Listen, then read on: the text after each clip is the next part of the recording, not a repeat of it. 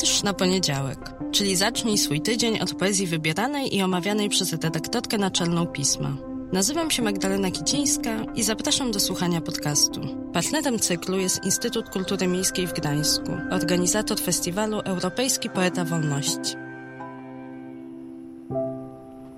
Dzień dobry. Bardzo się cieszę, że jesteście ze mną w kolejnym odcinku podcastu przy kolejnym wierszu na poniedziałek. Bardzo jestem ciekawa, czy te poniedziałkowe spotkania odbywacie ze mną rano, czy w ciągu dnia, czy wieczorem, czy w ogóle nie w poniedziałek i na przykład kończycie swój dzień wietrzem na poniedziałek, co byłoby pewnym awangardowym rozwiązaniem, które bardzo popieram i jak wiemy, awangarda i poezja razem się bardzo dobrze mają. Ważne jest dla mnie to, że jesteście i że chcecie słuchać o wierszach, chcecie słuchać wierszy i mojego poplania o nich. Jak sprawdziłam, ostatnio jesteśmy chyba jedynym ciągłym, bo przecież mamy jakże długą, dwumiesięczną prawie e, historię, podcastem, w którym no właśnie regularnie spotykamy się, żeby e, mówić o poezji, żeby z poezją się spotykać. Bardzo się cieszę, chociaż jeśli wiecie o jakimś innym podcaście, którego mi się nie udało znaleźć, to dajcie proszę znać, bo może gdzieś tam nie przepenetrowałam wszystkich zaułków w internecie. Mm, jeśli tak jest, to przepraszam twórcę lub twórczynię takiego podcastu i chętnie nawiązałabym z nim czy z nią kontakt, bo może udałoby nam się coś razem zrobić, żeby poezji i o poezji słuchało jeszcze więcej osób. Bardzo mi na tym zależy, bo świat podcastów jest e, bardzo duży, świetnie się rozwija również tutaj w naszym polskim wydaniu, co mnie bardzo cieszy. Też jako redaktorkę naczelną pisma, które od początku stawiało na audio, na audio w różnych formach ale wydaje mi się, jak sobie ten podcastowy świat obserwuję, że przydałoby i w nim się jeszcze więcej takich miejsc, takich przestrzeni do słuchania trochę wolniej, trochę mniej fajerwerkowo, może tak bym to nazwała.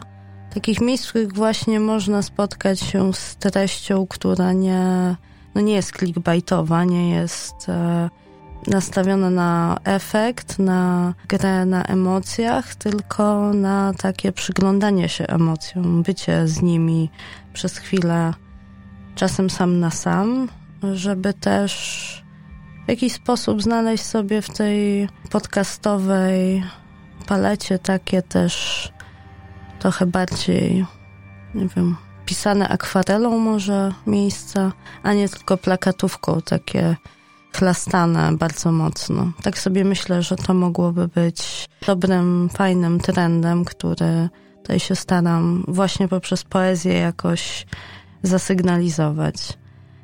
A dzisiaj znowu migrujemy, znowu się gdzieś przenosimy. Byliśmy w krajach nadbałtyckich, byliśmy w centralnych Chinach, a teraz znowu znajdujemy się w Europie, ale na jej południu, na Bałkanach. A wszystko to za sprawą tomiku Gęsia Skórka, wydanego w 2017 roku w Bośni i Hercegowinie, a dla polskich czytelników odkrytego i wydanego w ramach e, cyklu Europejski Poeta Wolności. Gęsia Skórka to tomik Darko Cwieticza, bośniacko-hercegowińskiego poetę, prozaika, reżysera, aktora i dramaturga, który wydał tomy i myślę, że już same te tytuły tomików coś nam opowiedzą o jego świecie, o tym, w jaki sposób on ten świat, swój poetycki świat, swoje obrazowanie, swoją narrację wypełnia. Bo na przykład w roku 2000 wydał Manifest Młodej Bośni, w 1990 Nocnego Gorbaczowa, w 2012 masowe pocztówki z Bośni, a rok później sznury ze śladami szyi. To tylko kilka tytułów jego tomików i już chyba właśnie w tych tytułach zarysowuje się bardzo specyficzny język Twieticza, który mnie kupił od razu, od, od pierwszego wejrzenia, od pierwszej lektury. Ja bardzo taki zdawałoby się z jednej strony szorstki, czasami paradoksalne, mieszający wysokie z niskim i dosadne z delikatnym e, styl i język lubię. On jest mi szalenie bliski, gdzieś tam w swoich jakichś próbach literackich też czasami mniej świadomie, czasami bardziej on ze mnie wyłazi, bo to też jest często sposób na to, żeby z jakimś bardzo trudnym tematem sobie poradzić, tak, tak trochę ironizując, trochę no właśnie bawiąc się absurdem i w ten sposób łagodząc e, zmierzenie się, stanięcie twarzą w twarz z czymś, co jest trudne, traumatyczne, nie do opowiedzenia. Wydawałoby się, że, że, że na to nie ma słów, a jakieś słowa trzeba znaleźć. A takim doświadczeniem dla autora, ale też nie tylko dla niego, dla mieszkańców całego tego regionu, a pośrednio również dla, dla całego świata była wojna na Bałkanach.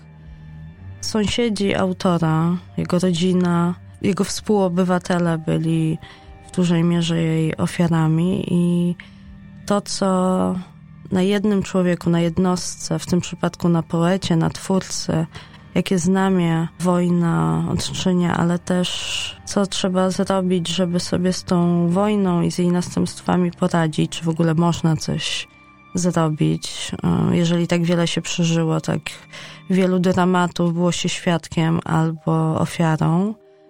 No właśnie na, na, na te pytania jak i czy to jest możliwe, w swoich wierszach, również w tym tomie Gęsia Skórka, próbuje sobie, sobie z tymi kwestiami autor poradzić. Myślę, że ten sposób opisywania następstw wojny, następstw wojny dla jednego pojedynczego człowieka, ale też dla całej wspólnoty, jest mi bliski, dlatego że jest bardzo reporterski. A ja nawet dzisiaj, gdzie gdzieś tam musiałam udzielić jakiejś wypowiedzi i poproszono mnie o odpowiedź na pytanie, jak mnie podpisać, Magdalena Kicińska i co dalej, to mimo, że od dwóch lat nie napisałam reportażu, czy już może nawet trzech, to w pierwszym odruchu nazywam siebie reporterką i, i to reporterskie spojrzenie, bardzo celne, dbałość o szczegół, który bardzo wiele wyraża wydarza i w zasadzie pozwala nam odkryć drugie dno opisywanej rzeczywistości, to co jest pod powierzchnią tekstu.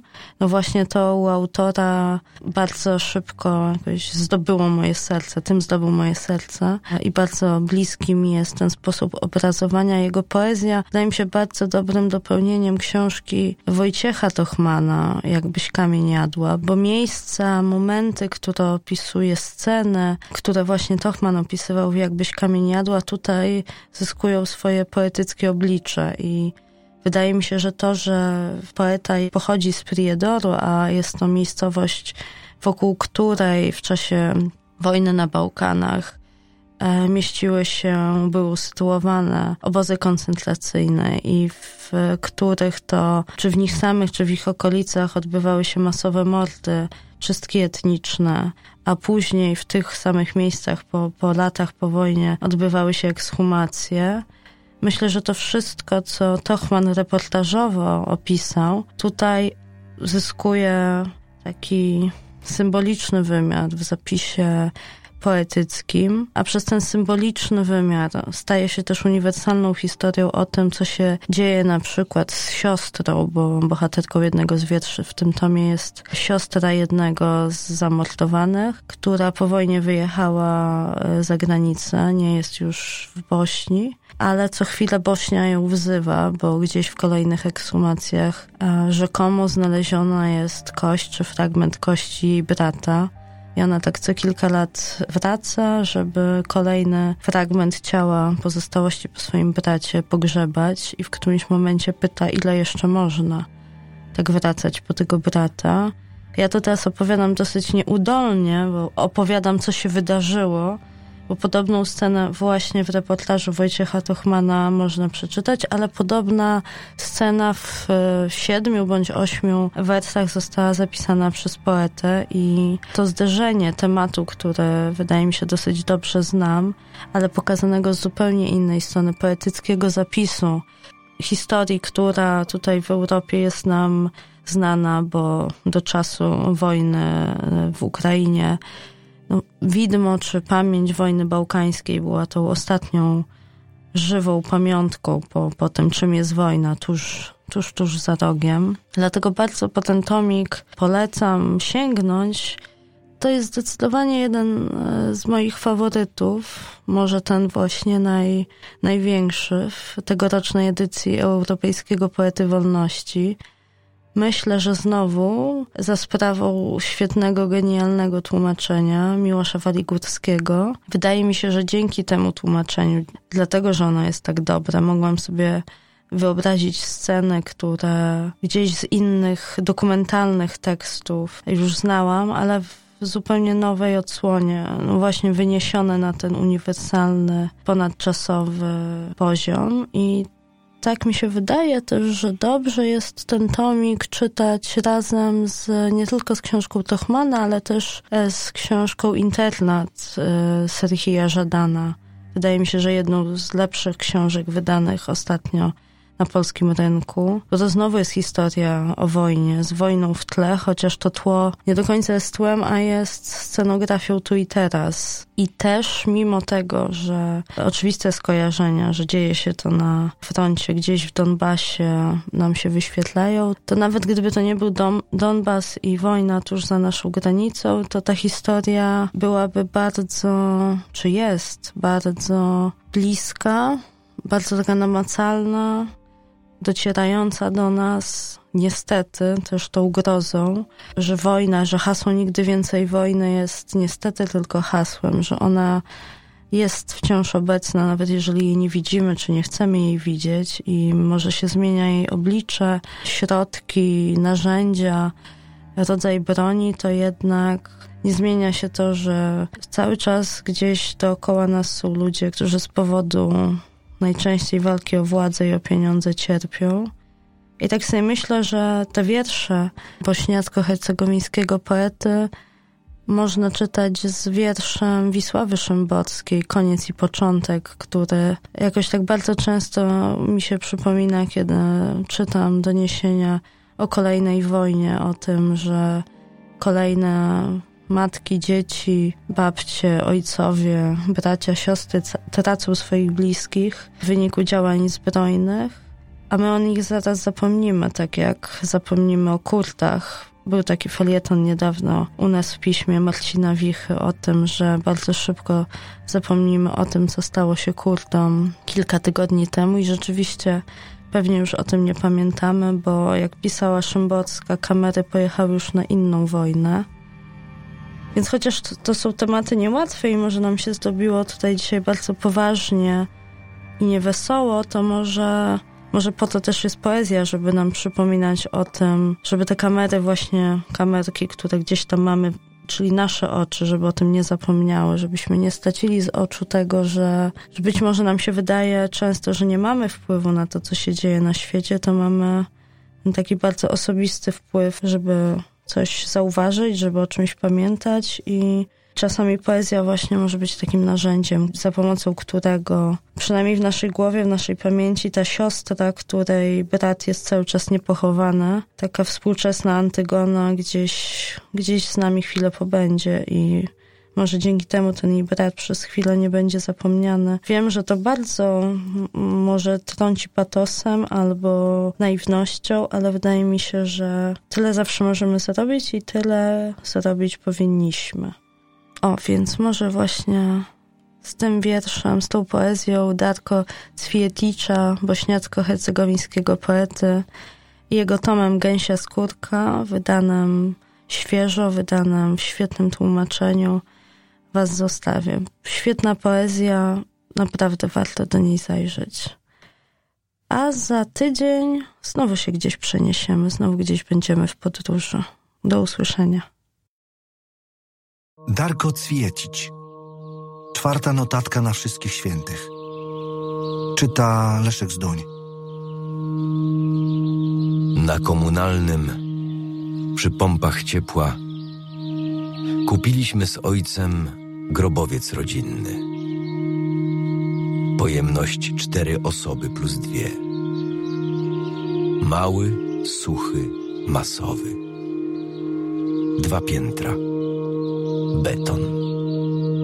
Ani kropli wody mimo wszechpotopów. Suchutko. Weszliśmy do środka. W rogu znalazłem grudkę siebie, zdrapaną z nieba. Bała się spytać, czy może wyjść. I w doniczce z balkonową różą poczekać na kwiaty.